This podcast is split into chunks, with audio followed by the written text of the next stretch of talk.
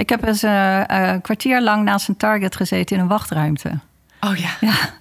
En we hebben elkaar keurige dag gezegd. En ik zat echt naast hem.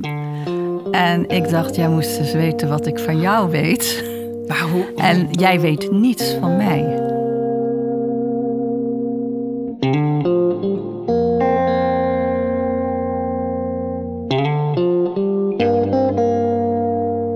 Wat doe je als je het vermoeden hebt dat iemand een gevaar kan zijn? En hoe is het om een target langdurig in de gaten te houden? Ik mag binnenkijken bij de AIVD, de dienst die normaal de deuren gesloten houdt. En vandaag is mijn derde dag als bewerker. Ik ga verder met het onderzoek naar Sander en hoop mensen te spreken die me dichter bij hem gaan brengen. Ik luister naar iemands stem. Als ik een paar weken naar iemand geluisterd heb, dan ken ik hem echt wel heel aardig. Wat voor een persoon is het? Zijn de losse puzzelstukjes iets om ons zorgen over te maken? Op dat filmpje is een jonge man te zien en eh, die roept naar de omstanders: We gaan de oorlog terugbrengen naar de ongelovigen en we brengen de oorlog terug naar Nederland. Mijn naam is Liesbeth Rasker. Je luistert naar de derde aflevering van De Dienst.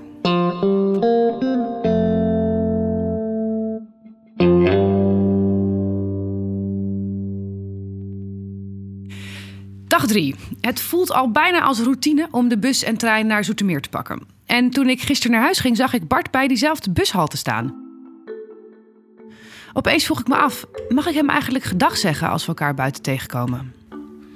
Ja, vind ik compleet eh, normaal en natuurlijk gedrag eh, natuurlijk. Eh, ik, ik ben zelf ook niet operationeel. Ik, eh, ik bedoel, ik zit wel in een, in een, in een inlichtingenteam natuurlijk. Ja. Maar ehm, ik ben daar niet bezig om iemand te observeren... of dat ik daar met een bron rondloop of wat dan ook. Ik, eh, ik ben, ben vaak wel op mijn hoede om eh, collega's in het wild... te gaan groeten. Zeker als ik weet ook dat het bijvoorbeeld een acquisiteur is. Omdat ik hem niet wil storen tijdens werk. Mocht, mocht iemand aan het werk zijn. Dus daar ben ik wel terughoudend in. Maar ehm, ja, zoals bij de, bij de bushalte, ja, daar gebeurt niks operationeels. Dus ik heb daar geen probleem mee. Maar als ik Andrea tegen zou komen, dan kan ik haar beter geen gedag zeggen. Nee, zou ik niet doen. Maar alles leuk en aardig. Gisteren kreeg ik een voicemail van Bart dat er een ISIS-vlag was gezien. En dat is nogal wat. Nou ja, het is, het is nogal wat. Het is in ieder geval iets waarvan ik, ehm, waarvan ik niet zeg: dit is nou een smoking gun. Eh, dat doen we sowieso niet zoveel mee met smoking guns binnen de dienst. Maar dit is in ieder geval niet het, eh, doorslaggevende feit, maar wel iets waarvan je denkt: oh, hier word ik toch wel, krijg ik toch wel een beetje zorgen van. Want waar was die vlag gezien of Nou, gevonden? dat is, of... dat is een. eh, kijk, het is ook een element. Ik, ik kan niet alles vertellen over de telefoon, hè, want eh, je weet niet wie er meeluistert. Dus ik probeer dat ook een beetje eh, beperkt te houden, wat ik zeg. Maar ik wou in ieder geval even aangeven dat er in ieder geval wel een element is waarvan ik denk: hier, hier maak ik me wel een beetje zorgen om. Die docent die heeft ehm, een glimp opgevangen van een ISIS-vlag op de telefoon, de screensaver van Sander.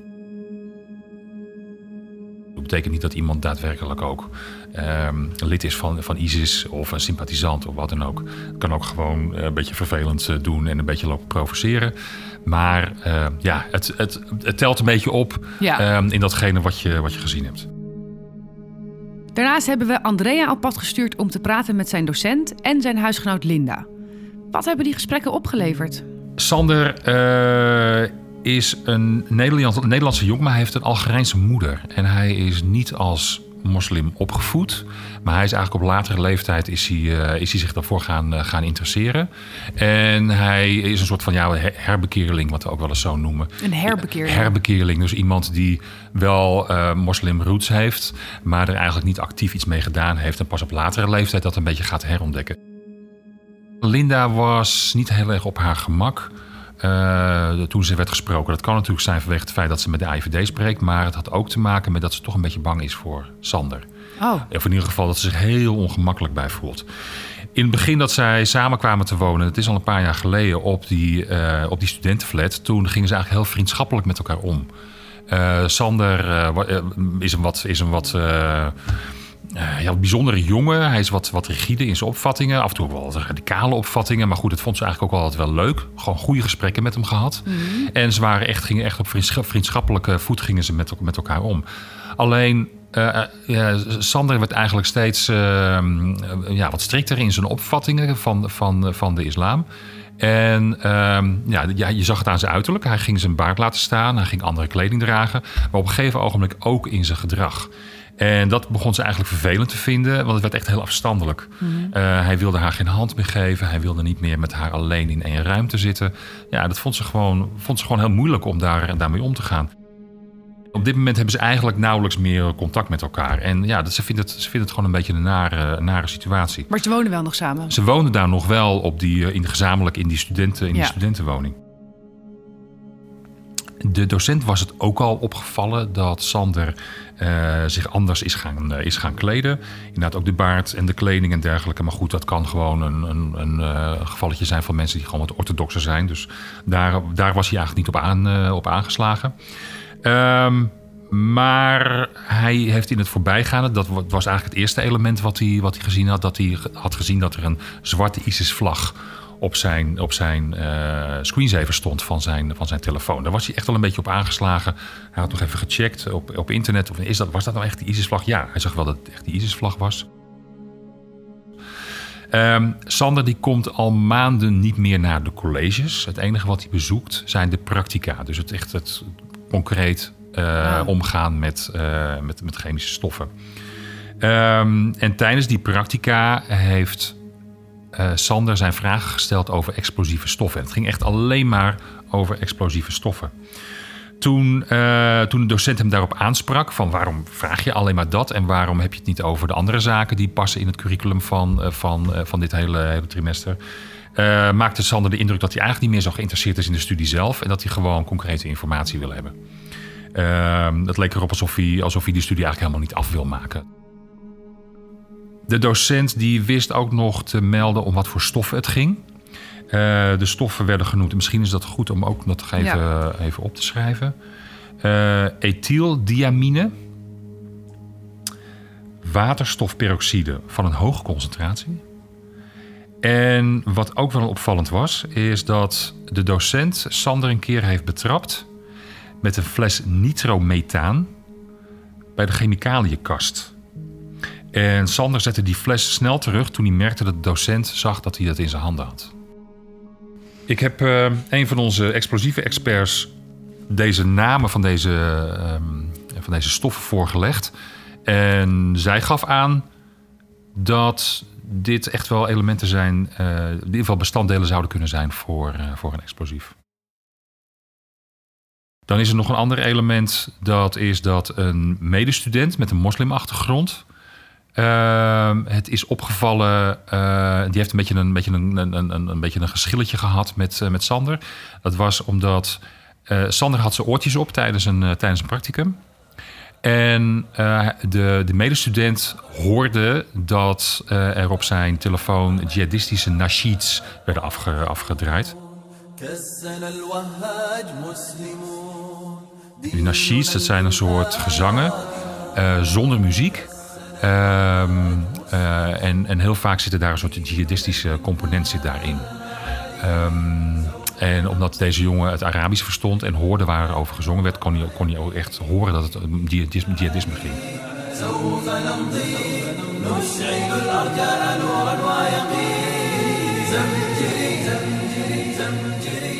Die student heeft hem daarop aangesproken. En eh, Sander die zei dat hij zijn bek moest houden, eh, omdat hij een nep moslim was. Ik eh, vind nogal wat. Ja?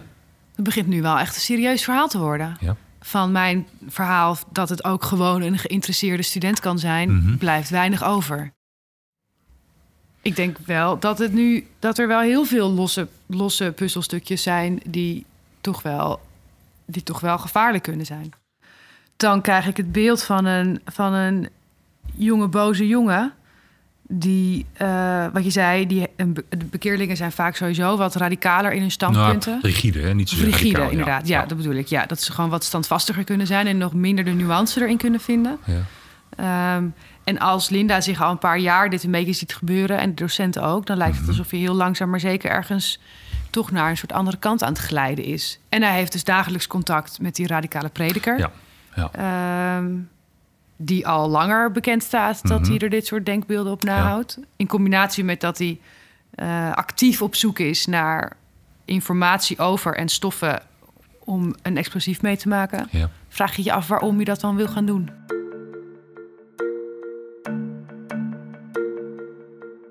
Wat wel heel belangrijk is, is je, je hebt nu een, een x aantal dingen heb je, heb je op een rijtje gezet.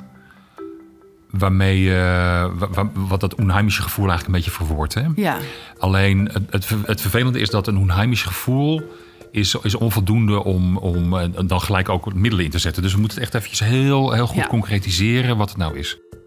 Laten we even beginnen bij het begin. Hij wordt steeds geloviger. En ik denk met name het verhaal van Linda onderbouwt dat. Ja. Welke elementen hebben we daarin? het uiterlijk. Eh, Uiterlijk. Hij laat zijn baard staan, Ja. meer orthodoxe kenmerken. Ja, Maar ook de omgang met vrouwen. ja, Eh, geen hand meer willen geven, Mhm. dat daar een afstand in aan het ontstaan is. En, de, en de docent onderschrijft dat, mhm, ziet dat ook. ja. Alleen dat orthodox, dat is allemaal nog... eh, daar kun je wat van vinden, maar dat is gewoon... Dat, dat, dat mag. Als we dan even overgaan naar het radicale aspect, wat heb je dan? De ISIS-vlag. Dat is al vrij richting terrorisme natuurlijk. Maar als je, dan, Ja. als, als je het over het radicale hebt. Ehm, dan, ehm, ik, ik, ik vermoed het contact met deze prediker, Ja, ja, Mehmet. ja, Mehmet Özgün. En natuurlijk zijn medestudent, eh, die hem die jihadistische teksten heeft Ja. horen luisteren. Ja, die vind ik inderdaad ook wel. Dat je... Een vlag is nog iets van eh, mogelijke provocatie van anderen. eh, om een Ja. beetje stoer mee te doen. Maar als je daadwerkelijk dingen aan het luisteren bent. Ja, dat is wel... Vind ik wel En zijn anders. opmerking, je bent een nepmoslim. Ja. ja, dat vind ik ook wel een goeie. Ja. Verder is hij natuurlijk ook eh, aanwezig geweest bij die demonstratie hè, van die radicale Ja. groep. Dat Behind Bars. Ja, oh ja. Dat is natuurlijk ook een element. Dus Ja. het zegt wel inderdaad iets over waar die ongeveer staat qua, qua gedachten. Ehm, Al die dingen bij elkaar maken het steeds moeilijker om een andere verklaring te vinden. Ja, kijk, het kan nog steeds zo zijn dat dit eh, gewoon een, een, een jongen die eh, eh, orthodox is en die een x aantal radicale ideeën heeft. Maar Ja. radicaal, ja, je mag radicaal zijn in Nederland. Ja. Soms is dat vervelend, maar je mag gewoon radicaal zijn. Er is niks tegen. Het staat niet in de wet dat je niet radicaal mag zijn. Het wordt pas echt ernstig als mensen een intentie en een potentie hebben.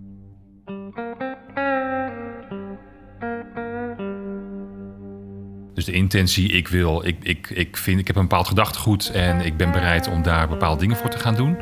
Eh, dat, kan je dan, dat kan je ook nog hebben, maar als je niet de wapens of allerlei andere middelen hebt om daadwerkelijk ertoe over te gaan, dan heb je nog niks.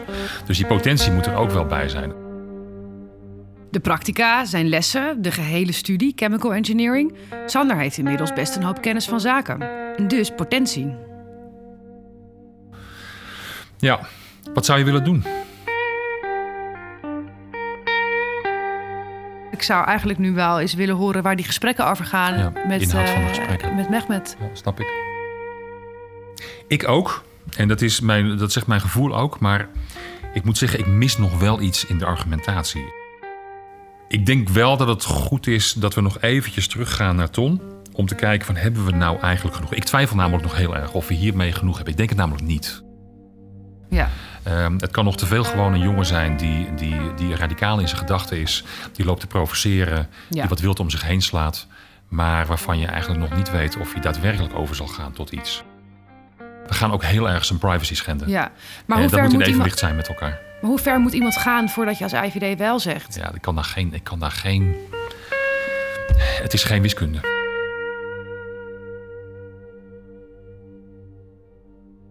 Ik vind dit best wel veel allemaal bij elkaar. En ja, het kan een provocerende twintiger zijn. Maar hoe bond moet iemand het maken voordat er ingegrepen wordt? En voordat we gaan tappen? Zullen we het anders zo doen dat, we, dat ik ga nog eventjes met Ton hierover praten? Ja, Ehm, ik ga een aantal zaken aan hem voorleggen. Ik sluit niet uit dat we gaan, dat we gaan tappen. Ehm, ik denk dat het goed is als je eventjes met een audiobewerker gaat praten. Zeker als je een, eh, een telefoontap of een internettap of allerlei andere inhoud van communicatie gaat krijgen. Dan kom je eigenlijk tot de essentie. Dan, dan hoor je heel vaak die intentie. Dan hoor je dus mensen praten met elkaar. Je weet nu nog niet wat Sander over de telefoon bespreekt met Mehmet Üzgün.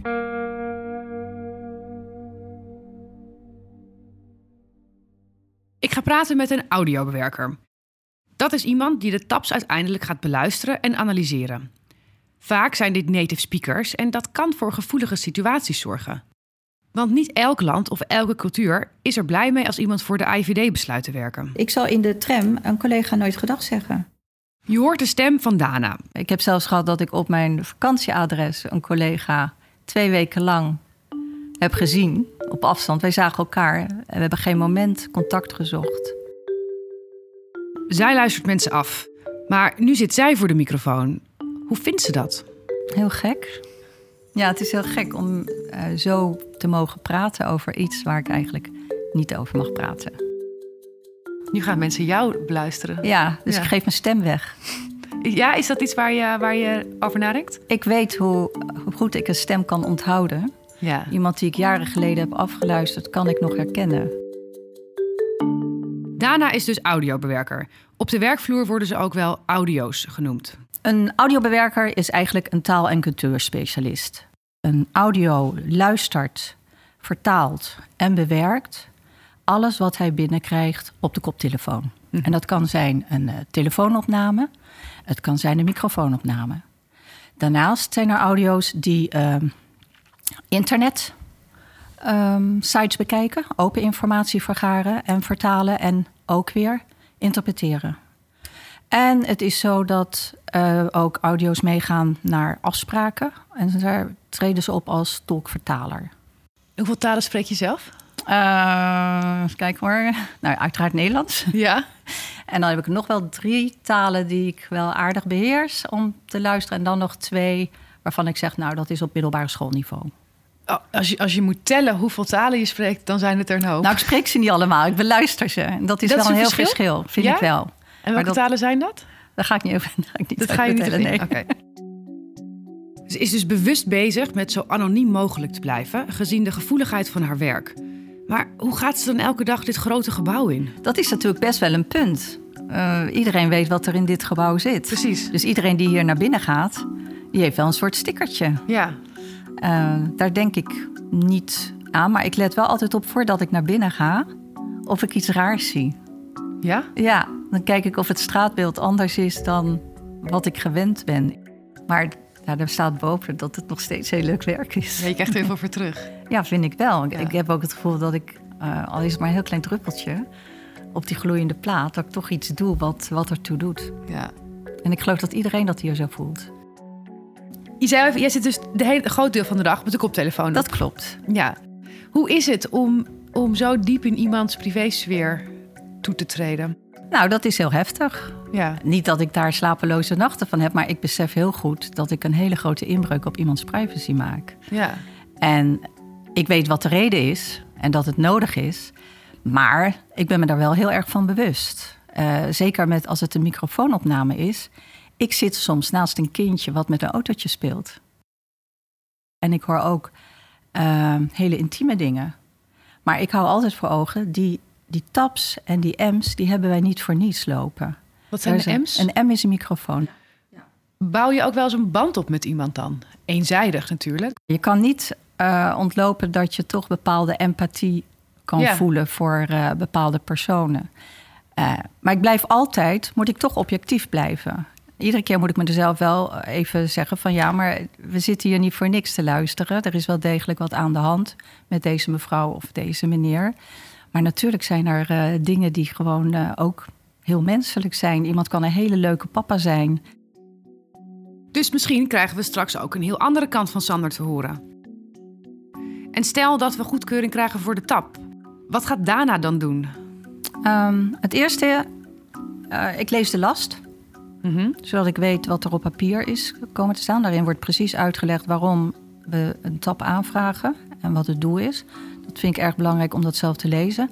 Maar ik ga ook in gesprek met de bewerker. Want dan kan je pas eh, goed horen waar de behoefte ligt, Mhm. welke kennis er eh, nodig is. Dan ga ik zitten. Ja. En eh, zeker in het begin moet je iemand leren kennen. Mhm. Dan is het meer aftasten van waar, hoe groot is de kennissenkring, waar praat hij over. Dus de, in het begin luister je werkelijk ieder gesprek. Ieder gesprek luister je uit, maar luister je heel geconcentreerd uit en eh, maak je ook een verslag daarvan. En als, als Sander midden in de nacht belt, is het, wordt het opgenomen en hoor, luister jij het de volgende dag terug? Oké. Als er geen dringende zaken zijn, dan is het gewoon dat je aan het begin van de dag de hele opbrengst van de afgelopen 24 uur eh, beluistert. Ja, Eh, is er iets dringends, dan zitten we live te luisteren. ja. De ene keer zit ik een uur lang op een gesprek wat misschien maar 10 minuten duurt. En dat kost zoveel tijd om allemaal dingen uit te zoeken. En een andere keer dan fiets je zomaar door een gesprek van een uur heen. ja. Maar je moet wel al die gesprekken beluisteren. Dus de tijd die gebeld is, die ben je sowieso in principe al kwijt aan het luisteren. Waarom kan dat zo lang duren? Ehm, omdat er bepaalde zaken misschien geïnterpreteerd kunnen of moeten worden. Iemand zegt niet altijd wat hij bedoelt. Kun je daar een voorbeeld van geven? Ehm, ja, iemand kan versluierd taalgebruik gebruiken. Ehm, bijvoorbeeld, hij vertelt over een feestje waar hij naartoe gaat. En wie zegt dat hij naar een feestje gaat? Kan heel wat anders eh, betekenen. En dan moet ik toch even nadenken van, ja, eh, is er reden voor een feestje? Is er iemand jarig geweest of niet? En als ik dat soort dingen daar van tevoren niet eh, heb gemerkt... dat er een feestje aan zit te komen... dan kan dat feestje iets heel anders betekenen. Ik luister naar iemands stem. Als ik een paar weken naar iemand geluisterd heb... dan ken ik hem echt wel heel aardig. Ja? Ja, ik kan vaak horen of iemand liegt. Je merkt dat bepaalde... Ja, iemand heeft nou eenmaal bepaalde afwijkingen in zijn stem, ja, bij zijn stem. Op een gegeven moment weet je wanneer je target dat doet. En zo kan je merken of iemand een, eh, zenuwachtig is... of eh, heel blij, of juist bedroefd, of hij liegt. Ben je wel eens een target tegengekomen? Ja. Ik heb eens eh, eh, een kwartier lang naast een target gezeten in een wachtruimte. Oh ja. Ja. En we hebben elkaar keurige dag gezegd. En ik zat echt naast hem. En ik dacht, jij moest eens weten wat ik van jou weet. Maar hoe, hoe- En jij weet niets van mij. En dat is heel, een Hoe heel bizar dat? gevoel. Nou, heel gek. Ja. Want ik kon ook niks laten merken. Terwijl ik dacht, ik kan nu een gesprek aanknopen... zoals je misschien wel vaker in een wachtruimte hebt. Ja. En ik weet ook hoe ik het gesprek zo kan sturen... dat het een heel gezellig gesprek wordt. Maar ik wil dat helemaal niet. Ik wilde eigenlijk gewoon weg.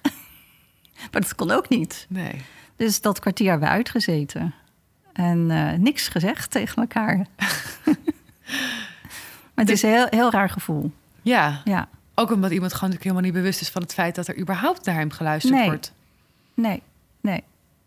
En je hebt het idee alsof hij dat kan voelen. Dat, dat, of dat hij dat merkt aan je dat je iets van hem weet. Maar dat is dus helemaal niet waar.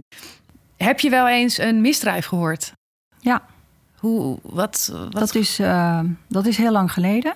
Eh, toen hoorde ik dat iemand eh, eigenlijk bekende dat hij iemand om, had omgebracht. En dan is onze zaak kapot. Dat, dan is het klaar met, met het, het oorspronkelijke doel van de tap. Dan wordt het OM ingelicht, er komt een ambtsbericht. En dan wordt het op dat moment een, eh, een, een zaak voor justitie. En dan is het ja, handen los, zal ik maar zeggen. En dan is het heel jammer van onze zaak. Ja. Maar dat soort dingen gaan voor. Dus als wij Sander zoiets horen zeggen, om, hè, dan, Ja. dan is het meteen klaar. Dan is het klaar. Je weet niet wat je hoort. Precies, maar wat, je, je hoort die, zo'n gesprek, zo'n Ja. zin opbouwen daar naartoe. Ja. Wat, wat gebeurt er dan met jou? Ja, dan denk je echt van, wat hoor ik nu? Is dit waar? En dan, dan speel je het nog een keer af en haal je er iemand bij. En je, het is echt waar. En dan, dan gaat er een balletje rollen. Maar ik kan me ook voorstellen dat het andersom gebeurt. Dat je opeens de smoking gun hoort. hoort.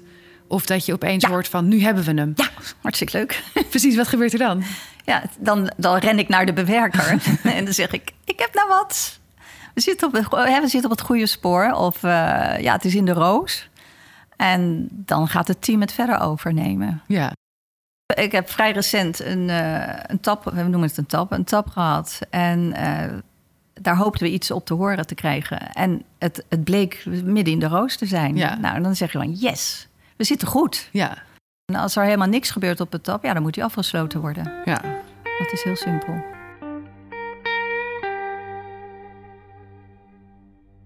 Wat kan ik eigenlijk verwachten van zo'n tap? Als Dana zo meteen naar Sander gaat luisteren, waar gaat ze op letten? beluisteren met wie die contact heeft, met wie die veel contact heeft. Dat wordt allemaal geïnventariseerd. En tussendoor leer ik zijn stem kennen. Dus ik leer ook of, of luisteren wanneer zijn stem anders is dan normaal. Dat is sowieso al prettig om dat te hebben. En dan eh, gaan we met name de gesprekken met de prediker eh, goed weergeven. Wordt er, eh, wat, wat wordt er besproken? En dan hopen we op ja, een uitglijder of, of dat hij ergens een winkel opbelt en informeert waar die, eh, die stofjes kan krijgen, bijvoorbeeld. Wanneer ga je aan de bel trekken? Mm, ja, als hij daadwerkelijk plannen bespreekt. Ja. En dat kan hij verhuld doen. En dan moet je dus heel goed nadenken van waar hebben ze het nou werkelijk over. Maar het kan ook best zijn dat hij het openlijk bespreekt.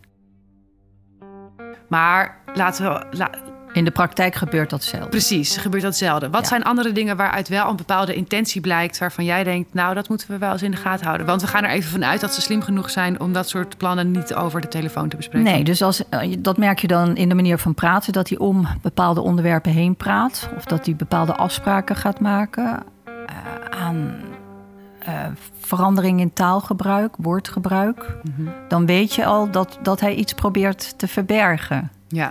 En dan is het toch met veel geduld wachten tot hij een uitglijder begaat. ja. Daar, er worden foutjes gemaakt.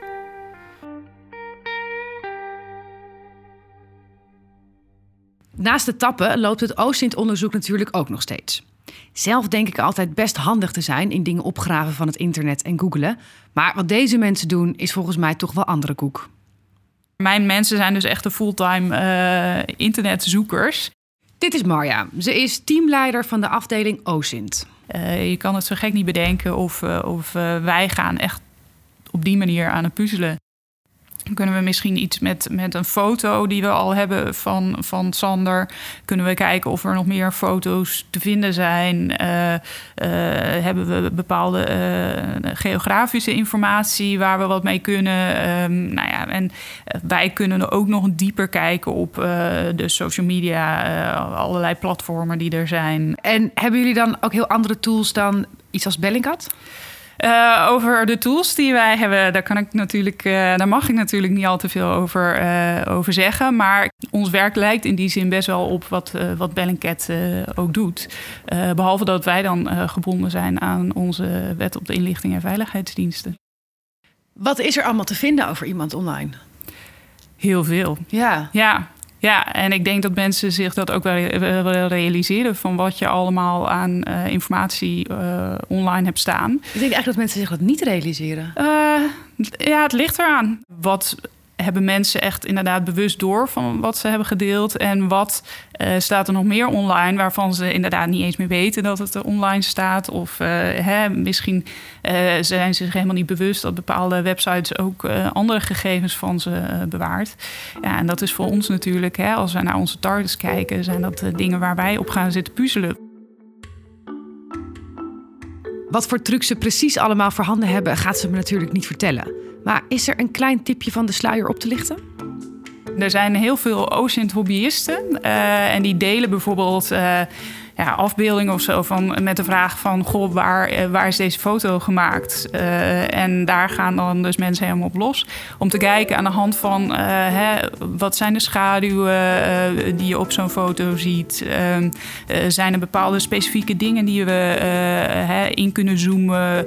Kunnen we met reverse image search, kunnen we daar iets mee? Nou ja, je kan er echt helemaal op losgaan en dat doen mijn mensen dus. Je moet ook slim, eh, creatief eh, zoeken. En eh, soms ja, ook gewoon de krochten van het internet in. Plekken waar misschien ja, je als gemiddelde internetgebruiker nooit komt. En wat voor plekken zijn dat? Nou, bijvoorbeeld het dark web. Dat is ook onderdeel daarvan. Ja, ja alles waar we hè, zonder, hè, waar, we, waar we gewoon zonder, nou ja, eigenlijk als iedere burger erbij kan, eh, kunnen we en wij kunnen er ook bij, dat is nog eh, open bronnen. Dus als Ja. het voor iedereen toegankelijk is, eh, dan mogen wij er gebruik van maken. Ik kan me voorstellen dat als je gaat grasduinen in eh, eh, plekken waar mensen niet veel komen, online, Ja, dat je een hoop dingen gaat tegenkomen die je eigenlijk niet wil zien. Zeker. Ja, nee, dat, dat is ook echt zeker eh, wel een van de dingen die, die minder kunnen zijn aan, aan deze functie. Ik heb toevallig onlangs nog een, nou ja, een, een, een workshop gedaan met mijn mensen. eh, die ging over het omgaan met schokkende beelden. Omdat dat inderdaad iets is wat, wat realistisch is. Hè? En eh, heel veel mensen zullen dan direct denken aan, aan de filmpjes van de onthoofdingen. hè, die natuurlijk binnen het contra-terrorisme domein... vooral nou ja, een aantal jaren geleden heel veel online rondgingen. Maar ja, we lopen ook, hè, als je diep, diep graaft eh, online in de levens van mensen, kom je ook dingen tegen als eh, kinderporno of hele andere ja, nare beelden. Hier werken ook gewoon ouders van, Ja. van jonge kinderen. En als je dat soort dingen in onderzoeken tegenkomt, dat kan heel heftig zijn. En dat blijft ook wel, wel hangen. Hoe kijk jij naar, eh, dat is toch redelijk iets van de laatste jaren... dat mensen heel veel op Facebook zetten, Instagram. Ik ben zelf heel actief op social Mhm. media. Wat, hoe kijk jij daarnaar? Eh, nou ja, vanuit een professioneel oogpunt zijn we er natuurlijk heel blij om. eh, hè, dat het internet eh, ja, zo enthousiast gebruikt wordt door Ja. iedereen. Ja, wat, wat, wat, wat durf jij nog op het internet te doen, privé? Ehm, nou, doordat ik hier bij deze afdeling werk, eh, is het niet dat ik daar heel paranoia over ben geworden hoor. Ik denk dat het vooral het werk bij de dienst, dat je wat meer eh, alert bent überhaupt op eh, wat, wat je wel en niet op internet achterlaat. Maar Maar heb je Verder- social media accounts? beperkt. Ja, Dus wat betekent dat? Nou ja, ik heb niet zoveel social media accounts. Nee. Nee. Ik zou inderdaad gewoon jezelf gewoon af en toe even googlen. eh, en ja, misschien eh, haal je dan al dingen naar boven dat je denkt... oh, eh, ik wist niet dat dat ook nog... hè, een website die je ooit eh 15 jaar geleden ooit hebt, hebt gehad... dat daar nog foto's op staan. Maar ja, ik, kan altijd een recherchebureau naar jou laten zoeken. Die, die zouden dit soort OSINT-zoekslagen ook kunnen doen.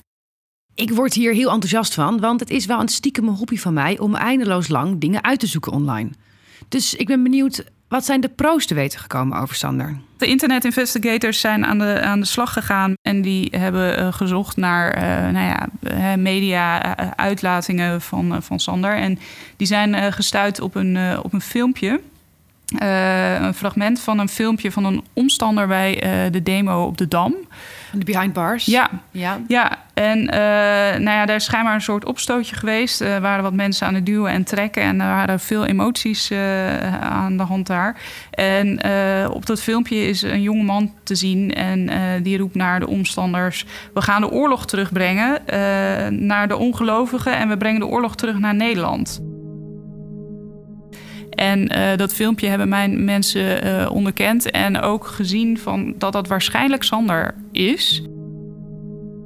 Eh, Dus zij hebben dat filmpje ook eh, besproken met het team. En eh, de analist van het team, Leonie, die heeft er ook naar gekeken en heeft inderdaad bevestigd van ja, dat is inderdaad Sander.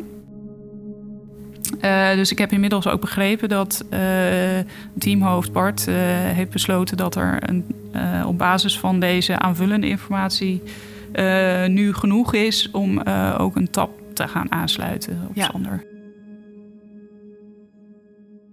Hoe kijk jij naar een zaak als dit? Wat, wat, wat denk je hiervan?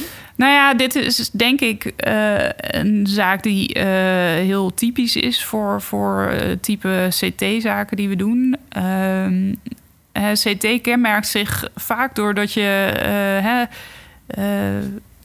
terroristen die inderdaad een soort open hun, hun, hun plot communiceren en daar heel duidelijk over van oh en met deze mensen ga ik even kort door de bocht een aanslag plegen. Die zijn er niet. Dus je bent altijd aan het eh, puzzelen van oké, eh, intentie, eh, potentie. hè, hier zie je nou echt iets aan de hand of is dit gewoon meer grootspraak?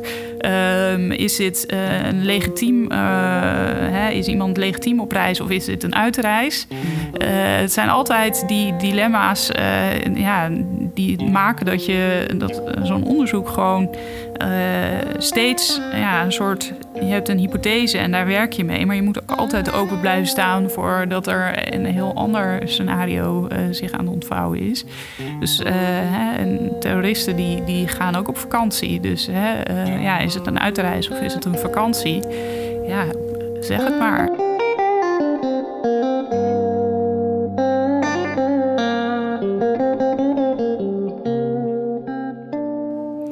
En met die overweging zit mijn derde dag bij de dienst erop.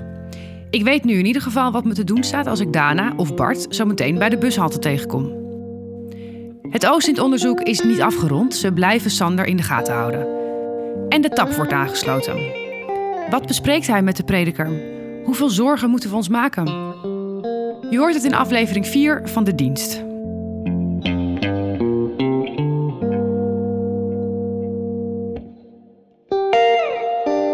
Dit was de derde aflevering van De Dienst, een podcast van de AIVD. Abonneer je nu, zodat je niets van het onderzoek hoeft te missen. En laat ons vooral weten wat je van deze serie vindt via een recensie in je favoriete podcast-app.